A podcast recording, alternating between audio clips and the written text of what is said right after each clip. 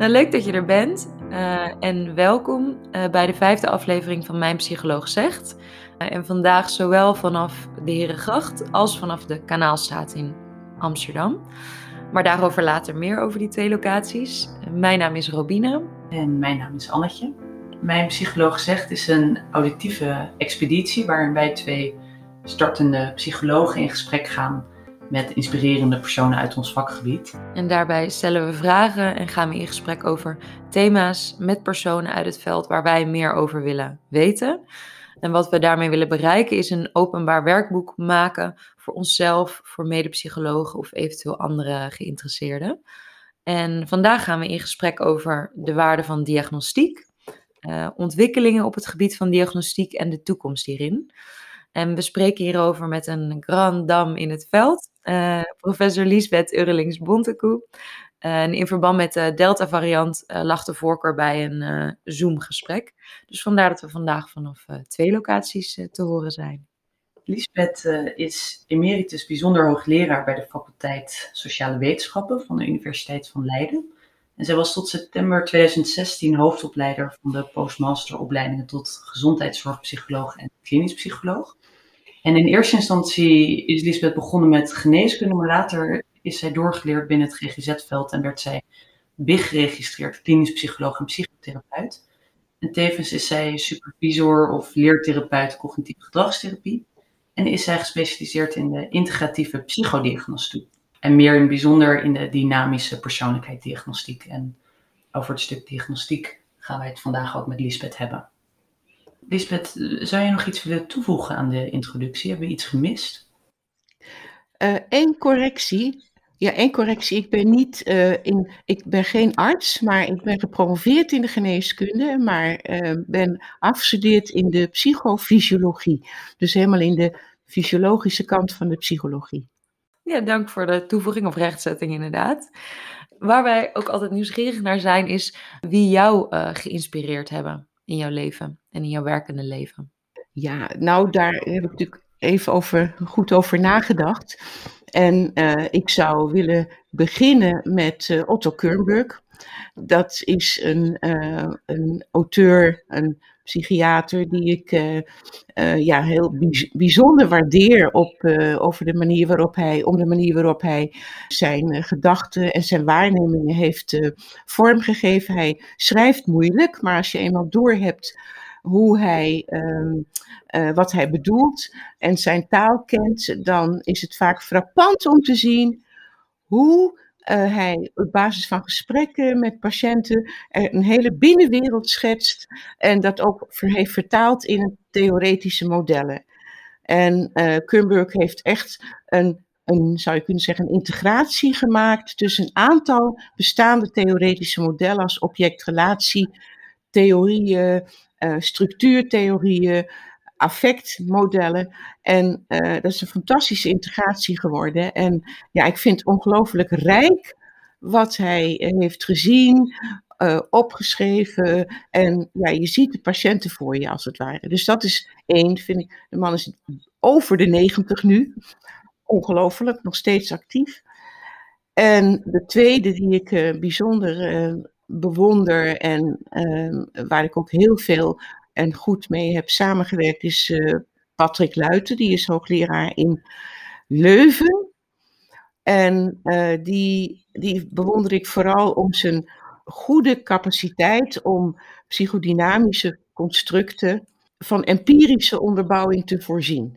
Patrick is echt ook een onderzoeker. En ik denk dat hij een hele grote bijdrage heeft geleverd aan het uh, onderbouwen van het psychodynamische denken. Dus dat vind ik een hele fijne collega.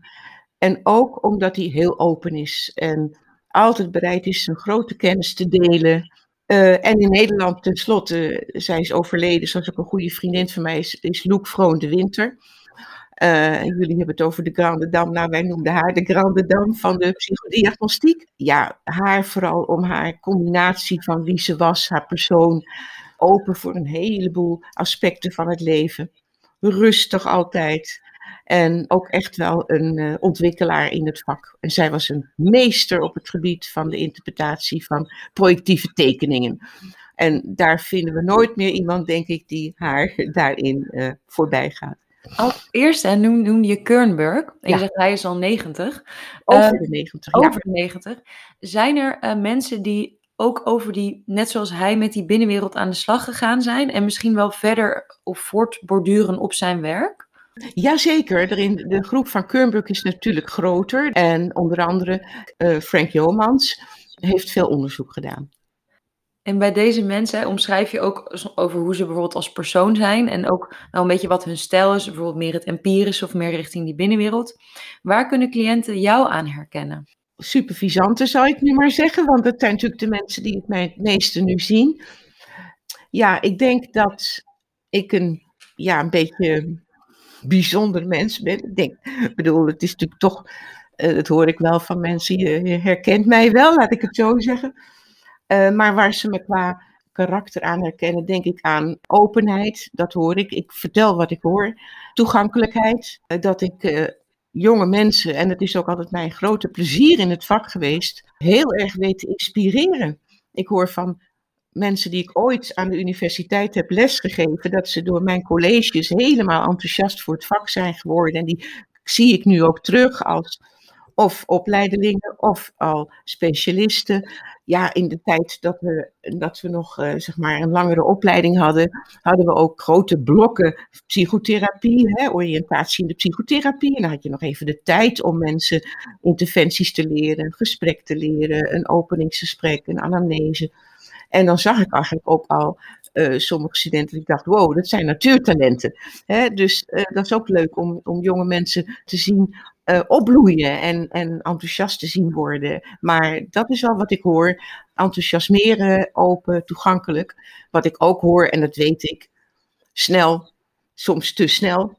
En soms denk ik wel eens, wow, heb ik mijn studenten niet overbelast? Want dan dacht ik, nou leuk, dit moet je ook weten en dat moet je weten. Dus ik moet eerlijk zeggen, als ik nu nog terugkijk naar mijn sheets, dat ik echt vanaf het begin de meest recente dingen al heb laten zien voor beide DSM.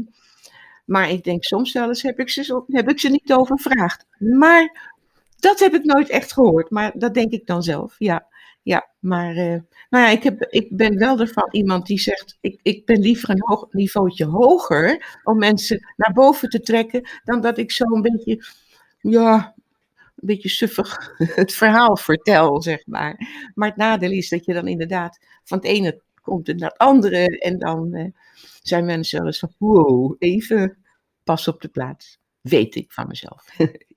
nu kan ik het niet laten, want Robin, jij bent ook in supervisie mm -hmm. bij Lisbeth. Herken je wat Lisbeth zegt? Ja, ik, ik herken dat wel. Uh, ook misschien een beetje het stukje van, wij spreken voor, voor de troepen uitlopen. Dat op het moment dat je, um, dat je diagnostiek materiaal inbrengt, dan, dan voel je bij jou het enthousiasme en dan, dan ga je en dan ga je praten. um, en uh, je doet ook je handen nu voor je mond, inderdaad. Maar uh, ik, ik, herken dat enthousiasme ook wel en ik vind het ook charmant. Dus, uh, maar ik, ik, herken dat wel. En ik denk ergens ook als je, want ik was toen je, aan, toen je dat over, aan het begin vertelde, dacht ik, hé, hey, je bent volgens mij best tevreden over hoe je het doet als supervisant. Terwijl dacht ik, ben ik ook nieuwsgierig naar waar je dan misschien wat meer onzeker over bent, of dat je dat ook nog hebt. Maar ik denk dat je wel bewust bent van, van die valkuil, om maar zo te zeggen.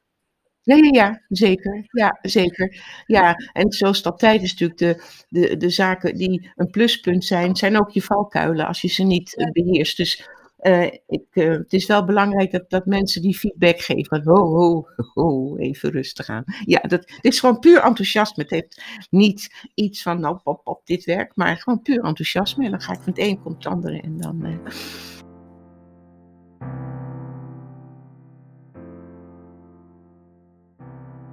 Als we het over diagnostiek hebben, wat is volgens jou diagnostiek? Hoe zou jij dat definiëren? Um, ja, dat, daar heb ik wel een duidelijke visie over. Het is voor mijn, in mijn beleven absoluut niet het via allerlei interviews uh, of zelfs zonder uh, etiketten plakken. Dus het louter toepassen van DSM-classificaties uh, en het uh, categoriseren van symptomen vanuit de vraag: is er dit interview ja of nee? Is er dat interview ja of nee? Uh, dat hoort erbij, natuurlijk. Je moet de symptomatologie in kaart brengen. En soms moeten we ook echt een DSM-classificatie stellen, al was het alleen al voor de financiering. Maar diagnostiek is wat letterlijk het woord betekent doorschouwen. Dus het gaat er mij om, om wat ik altijd zeg ook in supervisies, alle gegevens die ik heb, use all data, alle gegevens die ik heb, naast elkaar te leggen, uh, dan met elkaar te integreren en dan telkens te kijken naar wie is het nou die dit allemaal tegen mij zegt. Hé, hey, hier zie ik een tegenstrijdigheid, uh, dit past niet bij dat, en dan ga je puzzelen. En dan probeer je dus een beeld te krijgen uh, op basis van die unieke data van dat unieke individu. En uh, dat is natuurlijk, gaat ook over, is er mogelijk een stoornis en hoe ernstig dan, maar ook wie is het met die stoornis? Wat zijn de sterke kanten? Wat zijn de zwakke kanten? Wat is de innerlijke dynamiek? Kan ik die afleiden uit mijn gegevens? Ja, en zoals het altijd in de diagnostiek is, één groot spanningsveld. Je zit altijd met het uh, nomothetische, dus datgene wat voor grote groepen geldt. En het ideografische, dus datgene wat uniek voor een individu is. En daartussen moet je schipperen. En je verhaal is uiteindelijk altijd een uniek verhaal waarvan je hoopt dat de cliënt zegt: Ah, dat maakt voor mij uh, de zaak zinvol. Nu begrijp ik aspecten van hoe ik functioneer en waarom ik dingen doe. En het blijft, diagnostiek op deze manier blijft het hypothese genereren over die cliënt. Want ik zeg altijd, we hebben geen scan voor de ziel. Ik kan niet pinpointen van, poep, daar zit wat. Klaar, nu weten we het. Ik moet afleiden. Uit wat iemand zegt, uit wat hij brengt, en ook met name uit uh, de tegenstrijdigheden die iemand aangeeft, die interpreteer ik. En dan wordt het een leuke zoektocht. Dus dat is diagnostiek. Met alle informatie die er is en alle tegenstrijdigheden die daarbij horen, alle dingen die je ook ja. visueel ziet, wat je terugkrijgt, ja. wat je hoort. Ja, juist. En een, ondanks dat we natuurlijk werken met dingen die gaan over grote groepen, wel een persoonsgericht beeld te scheppen. Altijd dus je kan als voorbeeld uh, bij autisme spectrum verwacht je een enorme grote uh, hoge score op introversie. Want ja, mensen zijn in het algemeen introvert, scoren althans introvert. Maar je hebt ze ook die extravert zijn. Dan moet je weer gaan nadenken. Zo van, dat is lastig voor die persoon. En een autisme spectrum probleem hebben. Dus moeite hebben om sociale contacten adequaat vorm te geven. En zo graag willen. Hoe sombermakend moet dat zijn? Dat is een klein voorbeeld. En diagnostiek, ook wat je nu noemt, het heeft eigenlijk zoveel aspecten. Is er een diagnostiek starterspakket of middelen die jij zou aanraden waarvan je vindt van nou dat zou eigenlijk in elke diagnostiek plaats moeten vinden? Ja, nou ja, ik, ik heb de laatste tijd, uh, dat heb ik gelukkig ook opgeschreven in, het, uh, in de laatste versie van het uh, boek Dynamische Persoonlijkheidsdiagnostiek, die eind dit jaar uitkomt. Ik ben heel erg voor het bottom-up diagnosticeren. Daar heb ik ook al een verhaal over verteld. Um, waarbij je dus eigenlijk begint met instrumenten die in het hart van de psychopathologie meten. En dat zijn toch de NVM of de NKPV, dat is ook prima, goed alternatief, en de MMPI. Dat zijn instrumenten die zijn bottom-up gemaakt en die meten de basale dimensies van psychopathologie. En dat is ook iets waar we nu steeds meer naartoe gaan. Hè? Niet naar allerlei stoornissen, maar wat zit er aan gemeenschappelijke factoren onderliggend aan al die, of liefst bovenliggend aan al die uh, stoornissen. Nou, en die basale dimensies, een stuk of vijf, de, hele psychopathologie kun je vangen in vijf tot zeven dimensies. Telkens weer opnieuw zie je dat als je factoranalyses doet, altijd weer of netwerkanalyse, of nou, factoranalyse, altijd weer die. Zou je die vijf dimensies kunnen benoemen? Ja, dat is uh, uh, die althans in de NVM en de NKPV zitten, uh, en de MPI dus ook. Dat is internaliseren. Dus dat zijn alle internaliserende stoornissen, depressie, angst, alle persoonlijkheidsstoornissen ook van die aard. Dat is externaliseren. Dus dat zijn alle stoornissen die gaan over impulsiviteit, ageren, uh, impulscontroleproblemen. Dat is somatiseren. En dat is een kernelement van de psychopathologie. Hè? Alle, alle ernstige psychopathologie gaat gepaard met somato, ja, somatische klachten. Het is raar, dus als je als patiënt laag scoort op een, een schaal die somatiseren meet. Dat is denkstoornissen die elk model dat je nodig hebt voor psychopathologie zal een factor denkstoornissen moeten bevatten. Dat kan dissociatie zijn, dat kan randpsychotische verschijnselen zijn. Dan wordt in het model van uh, Kotov ook nog detachment genoemd. Je zou kunnen zeggen schizoïd terugtrekken, oftewel extreme teruggetrokkenheid. Dat zijn de vijf dimensies en die zitten eigenlijk zowel in de NVM en KPV als in de MMPI. En natuurlijk, en dat is dan, als je kijkt naar het Kotov-model, dan worden die apart genoemd. En wat ik dan eigenlijk doe, is die nog weer in combinatie met elkaar bekijken. Wie is het die externaliseert en denkstoornissen heeft? Dat is toch een andere persoon dan iemand die internaliseert en denkstoornissen heeft. dus door de combi krijg je typen. Nou, en in feite kom je dan op mijn profielen. De, de relatie tussen denkstoornissen, de psy, van de NKPV of de NVM. En de geremdheid, de verlegenheid. En dat zijn de profielen. Dus het is eigenlijk een soort combi van de Big Five van de psychopathologie. En we kijken natuurlijk ook naar de som. Daarmee start je met hypothese genereren. Want omdat die basale instrumenten zowel iets oppakken van de, even ouderwets als één, van de stoornis, als van de persoonlijkheid. Want het zijn overkoepelende factoren heb je ook vlaggen voor stoornissen, zoals uh, psychotische problematiek, autisme spectrumproblematiek, trauma. En dan kan je in de tweede instantie zeggen, oké, dat gaan we nou nader onderzoeken met de geëigende instrumenten. En we doen een AS-protocol, we doen een psychoseprotocol, we doen een traumaprotocol. Maar dan ben je veel efficiënter bezig dan wanneer je top-down gaat werken en zegt, is er dit? Nee. Nou, wat, weer wat nieuws, weer wat nieuws. En ja, dan ben je dus veel inefficiënter bezig. En in die basis hoort ook voor mij, en dat is wel iets wat ik denk ik behoorlijk heb ontwikkeld, een, een analyse van tapnarratieven, van verhalen die mensen maken bij de tapplaten. Verhalen is iets, verhaalanalyses, hè, is iets dat ook in de laatste jaren steeds meer opgang krijgt, zowel in de diagnostiek, maar ook in de behandeling. Hè, dat patiënten hun verhaal herschrijven, uh, de narratief, exposure therapie. Dus narratieven zijn heel belangrijk. En uit die narratieven kun je tekenen halen van denkstoornissen. Mensen met verstoord denken hebben toch rare woorden soms, of rare zinnen. Of je raakt het spoorbijster. Dat je denkt, hé, waar gaat dit nog over? Mensen met autisme hebben hele specifieke manieren om die plaat te analyseren. En mensen met trauma, die heb je, die heb je ook. Die duiken erin, die schrikken, die leggen de plaat weg. Dus die dat-analyse geef je naast die basale instrumenten nog weer wat extra informatie om later je specifieke stoornisprotocollen in te zetten.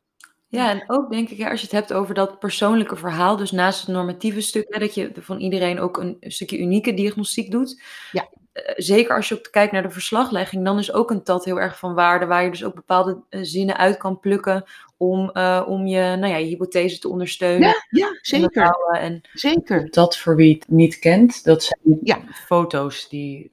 Ja, de TAT zijn ja, het, zijn, het heet de thematische apperceptietest. Hij is al ontwikkeld in de jaren 40 van de vorige eeuw. Dat was een periode waarin heel veel tests ontwikkeld werden, hè, rondom de Tweede Wereldoorlog. Het zijn oude platen, maar het zijn wel archaïsche beelden van man, vrouw, relaties, moeder, zoon, moeder, dochter. En er is heel veel onderzoek mee gedaan, eh, tot op het laatst. En mensen die geïnteresseerd zijn, die moeten echt kijken naar de Journal of Personality Assessment. Daar zie je echt heel veel, ook kwantitatief empirisch onderzoek met uh, dat uh, narratief analyses, onder andere van Michelle Stein en Porcherelli. En dus dat is, wordt steeds meer erkend als een hele mooie methode om, wat Robine ook zegt, ook wat mij betreft om hypothese te toetsen. Als ik uit mijn andere materiaal lees dat iemand misschien als kind overbelast is geweest, overvraagd, te groot moest worden, niet gezien in wat hij zelf nodig had. En de verhalen gaan dan over het jongetje wordt niet gezien en uh, hij voelt zich schuldig en hij kan niet voldoen aan. Denk ik, kijk, hier doe ik, heb, heb ik de hypothese gegenereerd en daar zie ik het gebeuren.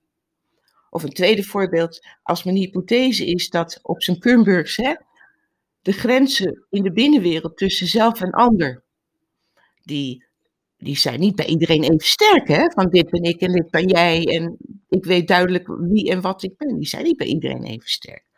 Als ik dan op basis van mijn diagnostiek vermoed dat er zwakke grenzen zijn, op basis van de theorie, hè, als ik al het materiaal gekeken heb, dan is het natuurlijk heel interessant om te zien dat in de verhalen de patiënten erin duiken. Oh, daar zit ik. Oh, dat is mijn broertje, die was ook zo verdrietig.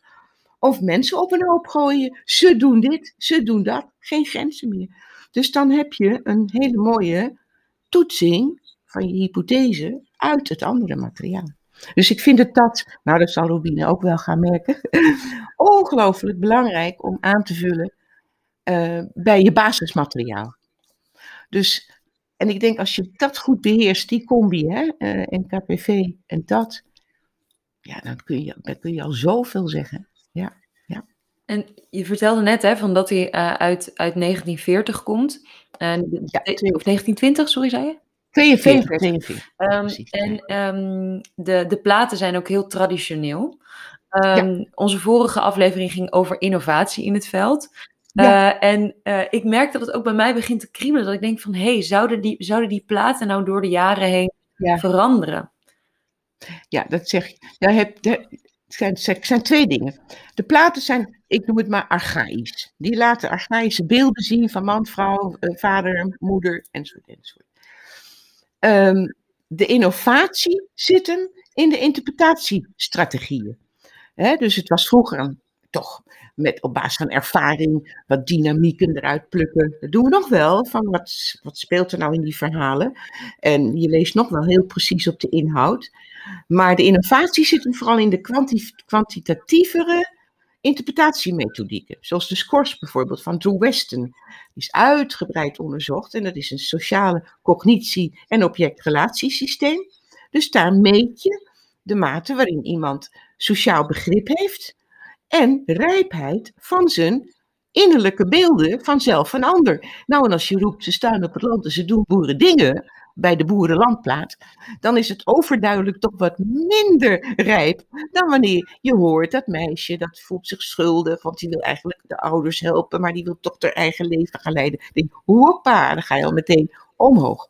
Nou, die, dus de innovatie zit hem in de interpretatiestrategieën. En natuurlijk kun je wat modernere foto's laten zien.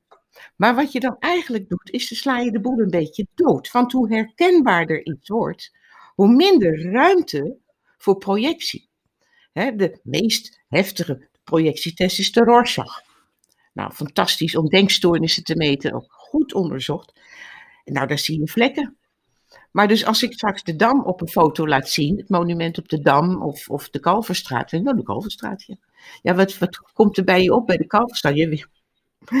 Dus hoe verder de afbeeldingen staan van de realiteit, hoe meer ruimte voor projectie. Dat is ja, dus hoe abstracter, hoe beter Zeker. wat betreft het projectieve materiaal. Ja, ja. Oké. Okay. Ik, ik ben ook nog heel benieuwd hè, of er specifieke um, casuïstiek of specifieke diagnostische processen zijn die jou gevormd hebben in jouw werkende leven of die je altijd bijgebleven zijn. Kun je daar ietsje toelichten? Wat... Ik kan me zo voorstellen, ik weet niet, hoe, hoe lang heb je als diagnosticus gewerkt? Oh, vanaf uh, 83, begonnen bij uh, de voor, vele, vele voorgangers van Arkin, ja. Dus ongeveer 40 jaar? Ja. Zoiets? Ja. ja. Zijn er nou specifieke um, diagnostiektrajecten dus die, je, die je echt bijgebleven zijn? Of die er voor jou uitspringen in jouw persoonlijke werkende leven? Ja, dat is, dat is natuurlijk lastig om te zeggen, want uh, ten eerste heb ik zoveel gezien dat ik niet uh, kan zeggen. En ik zou ook nooit één bepaalde type cliënt gaan beschrijven. Dat, dat, is, dat is lastig. Uh, maar wat ik wel in de loop van de tijd, wat, waar, waar we achter kwamen, ook bij Arkin, dat mensen mislukten in behandelingen, die het verder, ja, uh, zou je kunnen zeggen, principes goed zouden moeten doen. Waardoor ik erachter kwam dat er heel vaak problemen waren op het gebied van het autisme-spectrum. Dus mensen kunnen de, de stap naar het de dagelijkse leven niet maken. Wat ze leren de therapie kunnen ze niet vertalen. Mensen raken overspoeld.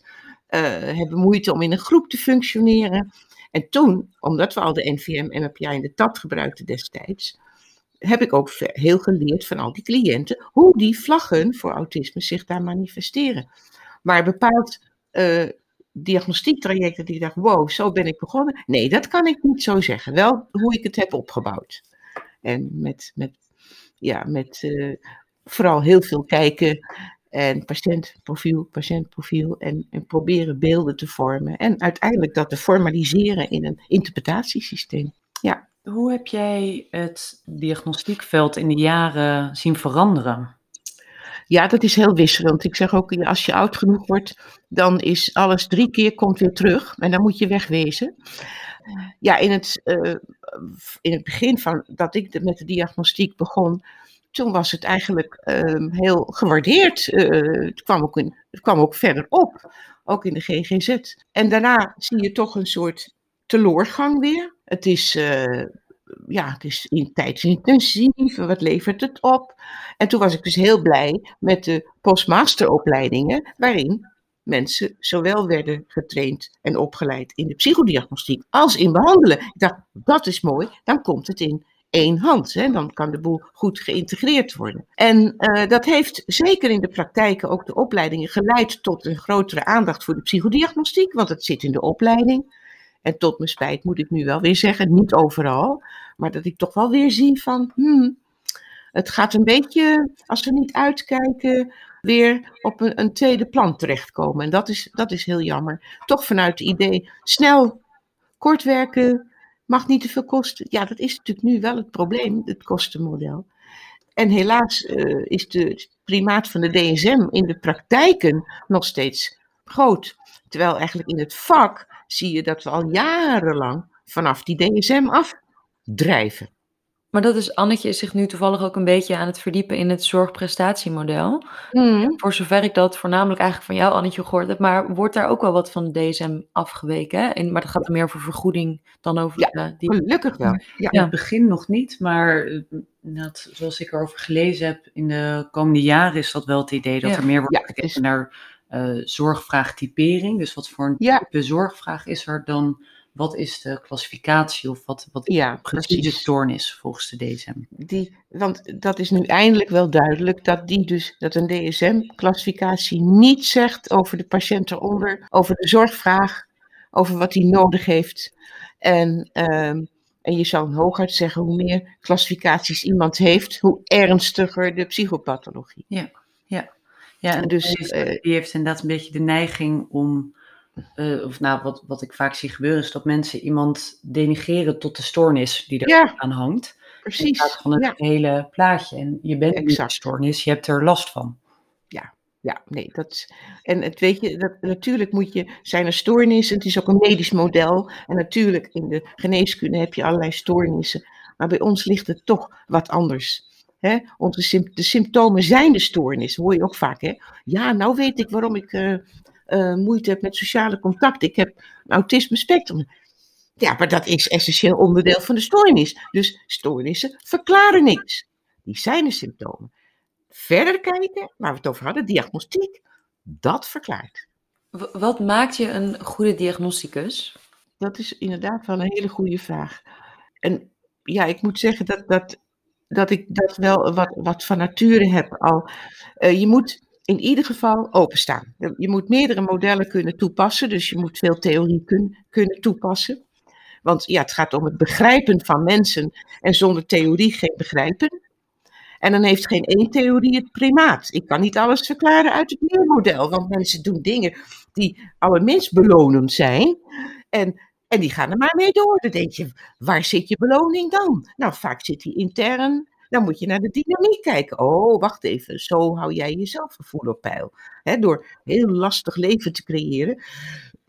Want dan, dan kan je zeggen van, wow, kijk eens hoe ik het doe. Dus je kan ook niet zonder, eh, mensen begrijpen kan niet zonder dynamische theorievorming. Dat, gaat toch, dat, die, dat zijn toch theorieën over de binnenwereld, over motieven. Uh, mensen begrijpen kan niet zonder het model van hechten en mentaliseren. Dus je moet openstaan voor meerdere theoretische modellen. Uh, maar wat je dan, denk ik, wat je echt tot een goed diagnosticus maakt, is dat je dan in staat bent om vooral al die veelheid aan gegevens te integreren. Dus snel tot een beeld te komen van wie zit daar nou achter. En ja, de een doet dat sneller dan de ander. Dat kan je voor een deel leren. Maar het is ook denk ik een, een vaardigheid om heel snel dingen bij elkaar te, te brengen en te denken, wacht even, ik zie hier een plaatje uit verschijnen. En je moet natuurlijk nieuwsgierig zijn in mensen en, uh, en van niks gek opkijken. Want de mensen zijn wonderlijke wezens. Dus je, moet, je kunt alles verwachten. En alles kan met alles samengaan. En waarvan je denkt van, hè? Nou, ik, het is niet vaak meer dat ik bijvoorbeeld nog zeg van, dit heb ik nog nooit gezien. En het komt voor. Ik denk, nou, ik ben al vanaf 40, maar dit heb ik nog nooit gezien. Nou ja, dan moet je gaan puzzelen. Dus openstaan, kennis hebben en integreren. En niet in hokjes denken, hè, maar ja, een beetje out of the box kunnen denken. En soms ook sprongen maken naar iets waarvan je denkt, hmm, kan ik dat wel?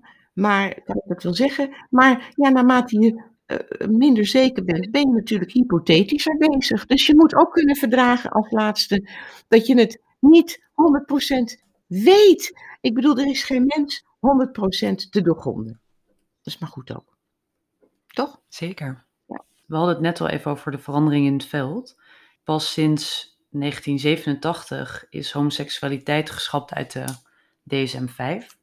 Als we eens een beetje vooruitkijken, heb jij of voorzie jij dan veranderingen binnen de diagnostiek de komende tijd? Nou ja, ik, ik voorzie wel dat. Kijk, het DSM-systeem zullen we niet zomaar kunnen wegdoen. Dat kan ook niet gebeuren, dat is zo verankerd. Maar binnen de DSM-wereld zie je al wel verschuivingen naar uh, mate van ernst, bijvoorbeeld spectrumbenadering, subklinische benadering.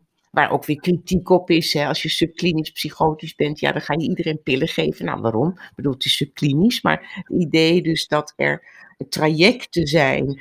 Uh, en voordat iemand full-blown psychotisch wordt, dat daar toch prepsychotische, attenuated zoals het heet, psychotische symptomen kunnen zijn. Dat is wel erkend.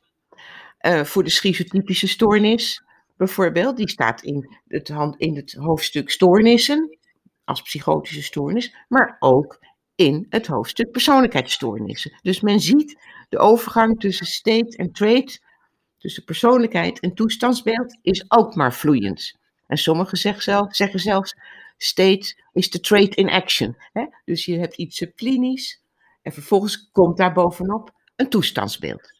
Dus die verschuivingen die, zie ik, die zien we wel, maar het duurt ongelooflijk lang. Want de DSM is natuurlijk ook een systeem van politiek. En net wat jij zegt, als een, als een maatschappij een bepaalde visie heeft op een stoornis, heeft dat invloed op wat er als stoornis in de DSM komt.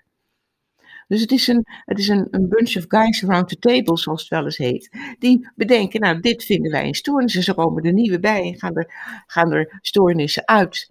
En ja, het is, dat is erg maatschappelijk, politiek bepaald. Helaas, dat klopt. Ja, ja.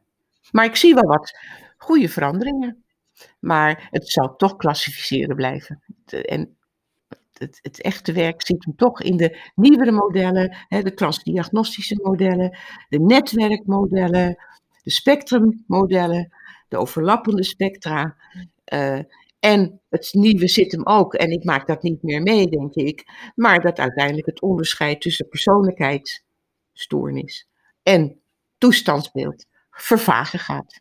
Wat ik al zei, state is the trait in action. Dus daar is een vloeiende overgang. Je noemde net de, de bunch of old guys. Als we nou, old zijn niet. De bunch of guys around bunch, the bunch of guys. Klopt. Ja. Ik heb er even old van gemaakt. Ja. Um, de bunch of guys, al dan niet old. Uh, maar als we kijken naar, naar jonge... Ik zag een brug die er helemaal niet was. Maar als we kijken naar, uh, naar jonge psychologen, wat, wat is jouw advies daarvoor? Wat zou je hun willen meegeven? Nou, in eerste instantie heel bazaal, maar dat is echt een tip waarvan ik, uh, die, die, ik heel noodzakelijk vind, omdat ik toch vaak de nadigheid ervan zie, is dat als zich nieuwe registraties voordoen, door wijzigingen of wat dan ook, sla geen registratiemogelijkheid over. Ook al is het vervelend, lastig, papierwerk, het idee van, waar moet dat nou en heb ik toch niet nodig. Pas op, laat je, als het nodig is, registreren. dus of het nou een BIG is of een, een, een beroepsvereniging. Maar sla geen registraties over of geen overgangsregeling over. Dat is een hele praktische tip. Meer in het algemeen is, zou ik zeggen, ja, en een beetje naar analogie van wat ik net zei, sta open. niemand heeft de waarheid in en hoe ouder je wordt, zoals je wow. Dat, als ik, dat is wel leuk van het ouder wordt, enig ongeveer. Uh, dat als je terugkijkt, dat je denkt, oh, wat zal ik, dit heb ik gemist. Dat heb ik toen helemaal niet gezien. Nee, want toen hadden we die kennis nog niet. En nu kijk je terug, denk je, oh, nou begrijp ik het. Dat had ik zo moeten duiden. Elke keer weer opnieuw komt er nieuwe kennis en dan moet je voor openstaan. En er is geen enkele waarheid. En zeker in ons vak niet. Nogmaals, we zitten niet in een hard vak. We hebben ook te maken met dat rare wezen, de mens. Hè? Dus dat is niet hard. Dus je zit altijd ook met de zachte kanten van het vak. Die, dat kan je niet ontkennen. Sta er open voor. Zie, uh, wat ik ook wel belangrijk vind, zie het proces, uh, een heel belangrijk proces, levenslang leren. Je bent nooit uitgeleerd. Ik zit nog studeer ik op dingen. Dan denk ik, oh, wacht, dat is een mooie ontwikkeling. Dan wil ik lezen. Nog zit ik dat te doen. Ik bedoel, je moet bijblijven, sta open en blijf leren. En ook voor jezelf, denk ik, een hele belangrijke tip. Zie, uh, bekijk, life is a process, not a state. Hè? Dus zeggen mensen zelfs, oh, maar dat weet ik allemaal nog niet. Nou, hoeft ook niet, want je bent nog jong. Hop, kom op, komt wel goed. Dus nu niet, later wel. Voor mij ook. Life is een process, not a state. Het houdt op. Op het moment dat je leven ophoudt. Dat is wat mij betreft een uh, absolute zaak. Nou, openstaan. En heel belangrijk, zeker in ons vak. En ik hoop dat de jonge generatie uh, dat uh, meer oppikt. Is stop met, ja, elkaar het leven zuur maken. Laat ik het zo zeggen. Op basis van een theorie die je aanhangt. En dan vanuit de gedachte, ik heb gelijk. Heb je eraan? Niemand heeft, wordt er beter van. Hè? Dus strijd, daar wordt niemand beter van. En ons vak kan er wat van.